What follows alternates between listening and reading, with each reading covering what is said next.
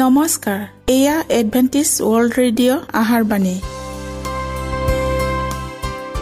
ষোল্ল মিটাৰ বেণ্ডত সোতৰ হাজাৰ আঠশ দহ কিলো হজত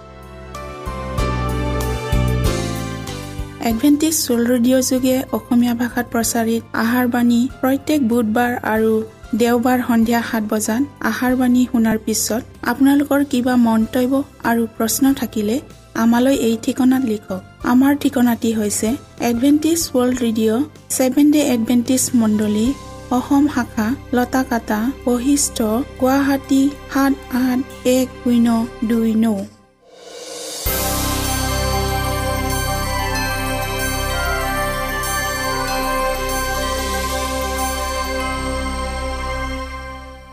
প্ৰিয় শ্ৰোতা বন্ধুসকল এতিয়া শুনো আহক এটি খ্ৰীষ্টীয় ধৰ্মীয় গীত।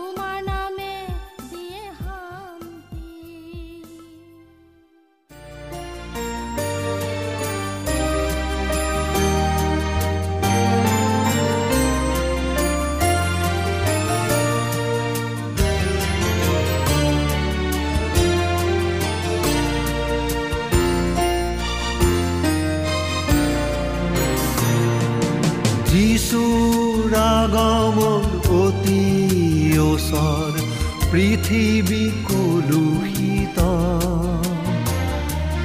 যিচুৰ আগমন অতি ওচৰ পৃথিৱী কলুষিত। পাপৰ বোজাত ক্লান্ত আমি চাপি আহা যিচুলৈ পাপৰ বোজাত ক্লান্ত আমি চাপি আহা যিচুলৈ যিচুৰ আগমনতি ওচৰ পৃথিৱী কলুষিত।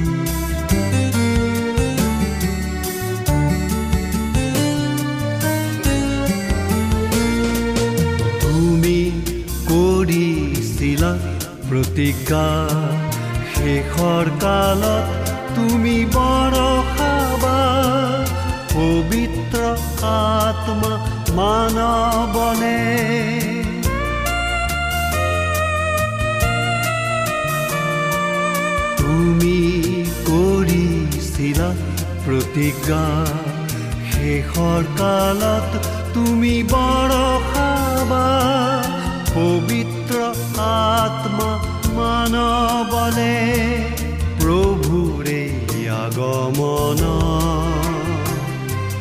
সূৰ্য আন্ধাৰ হ'ব চন্দ্ৰ হ'ব যে তেজ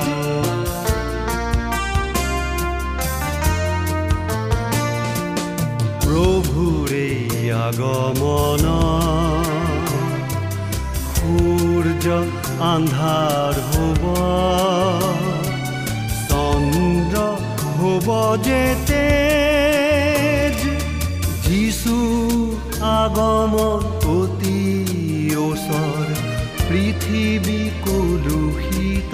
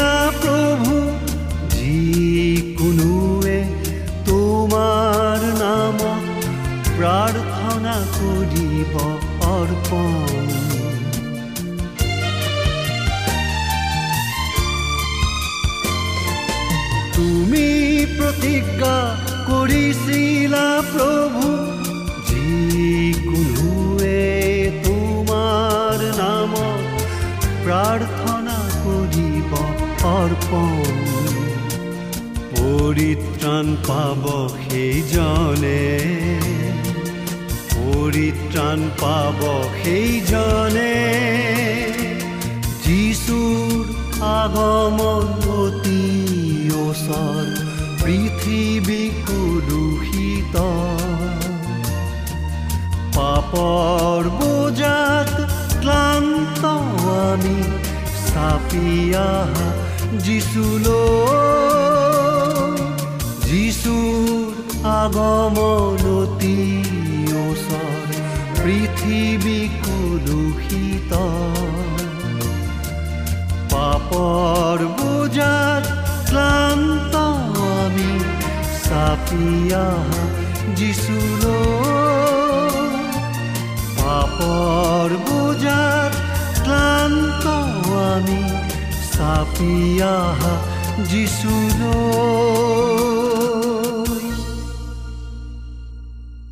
প্ৰিয় শ্ৰোতা বন্ধুসকল আহক আমি খন্তেক সময় বাইবেল অধ্যয়ন কৰোঁ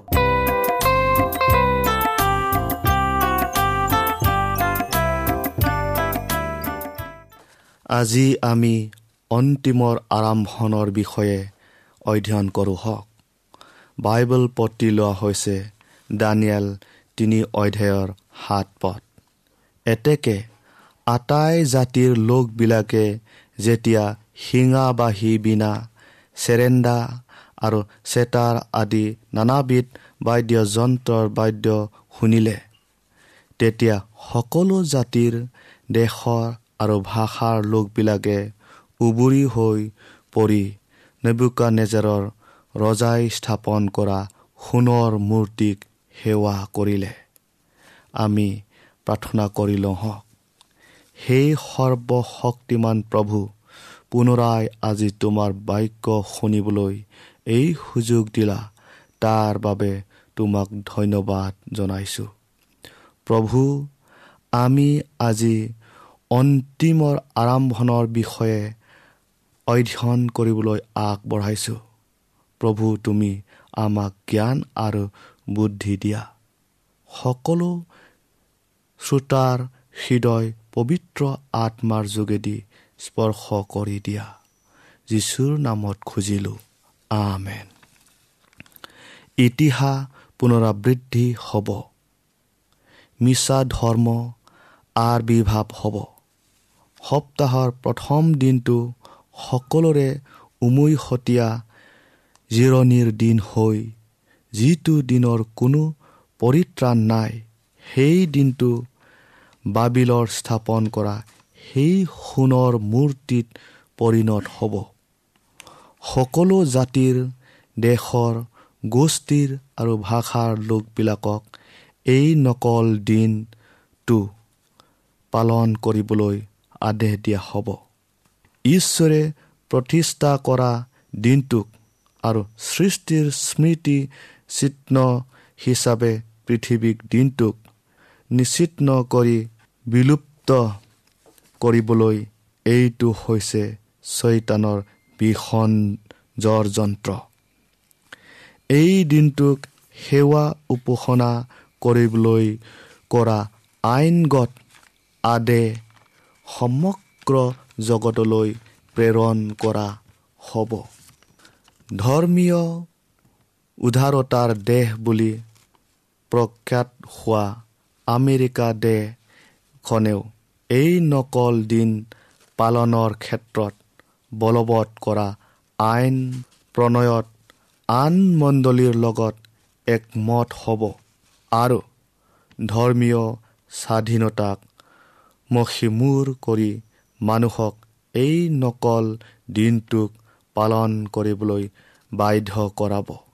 আৰু পৃথিৱীৰ সমুদায় দেশৰ প্ৰতিজন ব্যক্তিয়ে এই আৰ্হিক অনুসৰণ কৰিব লাগিব।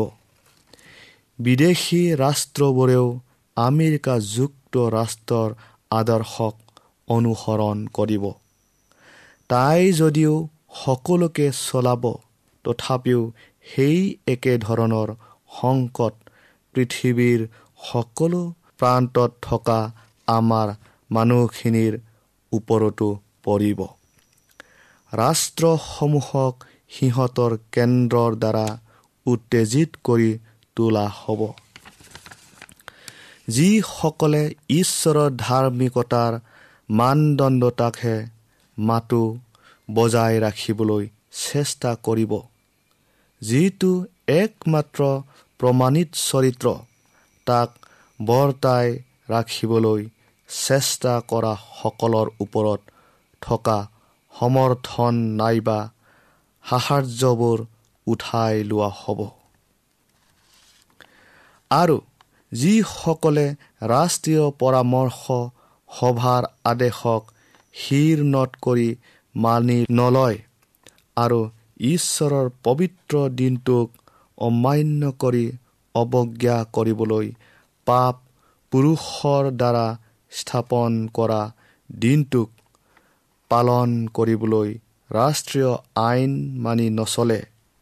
তেওঁবিলাক সকলোৱে মাত্ৰ নিৰ্যাতন পাব এনে নহয়।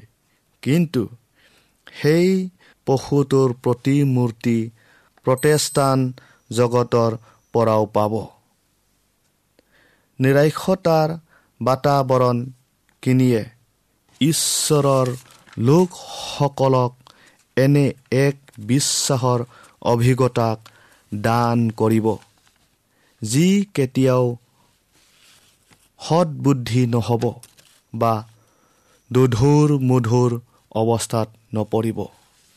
তেওঁৰ সন্তানসকলে নিশ্চয়কৈ এইটো দেখুৱাব লাগিব যে ঈশ্বৰেই হৈছে তেওঁবিলাকৰ একমাত্ৰ আৰাধ্যজনা আৰু ইয়াৰ বাহিৰে কোনেও কোনো পৰিস্থিতিয়ে এনেকি মৃত্যুৰ সংশয়ো তেওঁবিলাকক মিথ্যাবাদক গ্ৰহণ কৰাবলৈ আৰু নকল ঈশ্বৰক প্ৰণিপাত কৰাবলৈ বাধ্য কৰাব নোৱাৰে। পাপ পুৰুষজনৰ প্ৰতি ৰাজভক্তি প্ৰদৰ্শন কৰাজন ঈশ্বৰৰ অনন্তকলীয়া বাক্যৰ সন্মুখত অৰ্থহীন আৰু মূল্যহীন হৈ পৰিব। তাৰ ওজন নাথাকিব। বন্দীশালত থাকিও নাইবা নিৰ্বাসন পায়ো অথবা মৃত্যু ভোগ কৰি হ'লেও সত্যতাক পালন কৰা মানুহ ওলাব। জিহিচকেল সাত অধ্যায়ৰ পাঁচ আৰু ছয় পদটো আকৌ আমি পঢ়োঁ। প্ৰভু জীহুৱাই এই কথা কৈছে অমংগল কেৱল একেটা অমংগল। চোৱা সেয়ে পালেহি। অন্ত উপস্থিত সেই অন্তই উপস্থিত সেয়ে তোমাৰ অহিতে জাগিল। চোৱা সেয়ে পালেহি। যিটো পৃথিৱীৰ ওপৰত পৰিবহি সেইটো সঁচাকৈয়ে অতি ভয়ংকৰ। জগতৰ মহাশক্তিসমূহে একত্ৰিত হৈ ঈশ্বৰৰ বিধানৰ বিৰুদ্ধে যুদ্ধ কৰিবলৈ এক আদেশ জাৰি কৰিব যে সকলোৱে সৰু কি ডাঙৰ ধনী কি দৰিদ্ৰ স্বাধীন কি পৰাধীন সকলোৱে নকল দিন পালন কৰাৰ দ্বাৰাই মণ্ডলীৰ নীতি সংস্কৃতি আৰু পৰম্পৰাৰ লগত মিলি চলিব লাগিব। যিসকলে এই আদে মানিবলৈ অমান্তি হয় তেওঁবিলাক সকলোৱে আইনৰ দ্বাৰা দোষী সাব্যস্ত হ'ব আৰু জৰিমনা ভৰিব লাগিব। আৰু অৱশেষত তেওঁবিলাকৰ বিৰুদ্ধে মৃত্যুদণ্ডৰ ৰায় দিয়া হ'ব। আনহাতে ঈশ্বৰৰ বিধানে তেওঁৰ দিনটোক পালন কৰিবলৈ বাধ্যতা হ'বলৈ আহ্বান জনাব। আৰু এই বিধান অৱজ্ঞা কৰা সকলৰ ওপৰত ঈশ্বৰৰ ক্ৰোধ পৰিব বুলি সতৰ্ক কৰা হ'ব। এনেকৈয়ে মানুহৰ আগত এই গুৰুত্বপূৰ্ণ বিষয়বোৰ উপস্থাপন কৰা হ'ব। মানুহৰ নিয়ম বা আইন পালন কৰিবলৈ গৈ যিসকলে ঈশ্বৰৰ বিধানক গচকি যাব তেওঁবিলাকে পশুৰ চাপ পাব। সি ঈশ্বৰৰ পৰিৱৰ্তে জগতৰ শক্তিৰ লগত মিত্ৰতা কৰা চিনকে বাছি ল'লে। ৰাজভক্তি প্ৰমাণ কৰিবলৈ বিশ্ৰাম দিনৰ বিষয়টোৱে গুৰুত্বপূৰ্ণ বিষয় হ'ব। কাৰণ আমাৰ পৰিৱৰ্তনৰ চানেকি এই বিষয়টোৱে যেতিয়া শেষ পৰীক্ষাৰ সময় লোক সমূহৰ সন্মুখত উপস্থিত হ'ব তেতিয়া কোনসকলে প্ৰকৃততে ঈশ্বৰক আৰাধনা কৰে আৰু কোনসকলে নকৰে সেই কথা স্পষ্টকৈ ওলাই পৰিব। ৰাষ্ট্ৰৰ আইন মানিবলৈ যেতিয়া নকল দিন পালন কৰা হয় যিটো চতুৰ্থ আজ্ঞাৰ সম্পূৰ্ণ ওলোটা তেতিয়া ঈশ্বৰৰ বিপৰীতে থিয় দিয়া শক্তিক খোলা খুলিকৈ স্বীকাৰ কৰি লোৱা হয়। আনহাতে প্ৰকৃত দিন পালন কৰা কাৰ্যই ঈশ্বৰৰ বিধানৰ প্ৰতি থকা বাধ্যতাক দেখুৱায় আৰু এনে বাধ্যতাই সৃষ্টিকৰ্তাৰ প্ৰতি থকা ৰাজভক্তিক প্ৰমাণ কৰে। এই হাতে এক শ্ৰেণীয়ে যেনেদৰে জগতৰ শক্তিত নিজকে সমৰ্পণ কৰা চিনক গ্ৰহণ কৰাৰ দ্বাৰাই পশুৰ চাপ লাভ কৰে। আনহাতে আনটো শ্ৰেণীয়ে ঐশ্বৰিক শক্তিৰ অধীনত থাকিবলৈ মনোনীত কৰাৰ দ্বাৰা ঈশ্বৰৰ চাপ লাভ কৰে। প্ৰিয় শ্ৰোতা বন্ধুসকল গতিকে যিসকলে তৃতীয় স্বৰ্গদূতৰ বাণীৰ সত্যতাক প্ৰচাৰ কৰে। তেওঁবিলাকক আপুৰুগীয়া সতৰ্কক বুলি আজ্ঞা দিয়া হৈছে। কিন্তু যেতিয়া আন দিনক পালন কৰা বিষয়টোক আইন প্ৰণয়ন কৰি বলপূৰ্বকভাৱে সকলো ঠাই কাৰ্যকৰী কৰা হ'ব। তেতিয়া যিটো ঘটনাক ইমান দিনে সন্দেহ আৰু অবিশ্বাস কৰা হৈছিল তাক ওচৰ চাপি অহা দেখিবলৈ পোৱা যাব।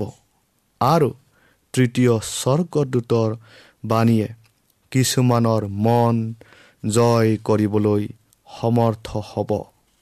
যিসকলক আগতে অলপো লৰাব পৰা নাছিল ঈশ্বৰে আপোনালোকক আশীৰ্বাদ কৰক।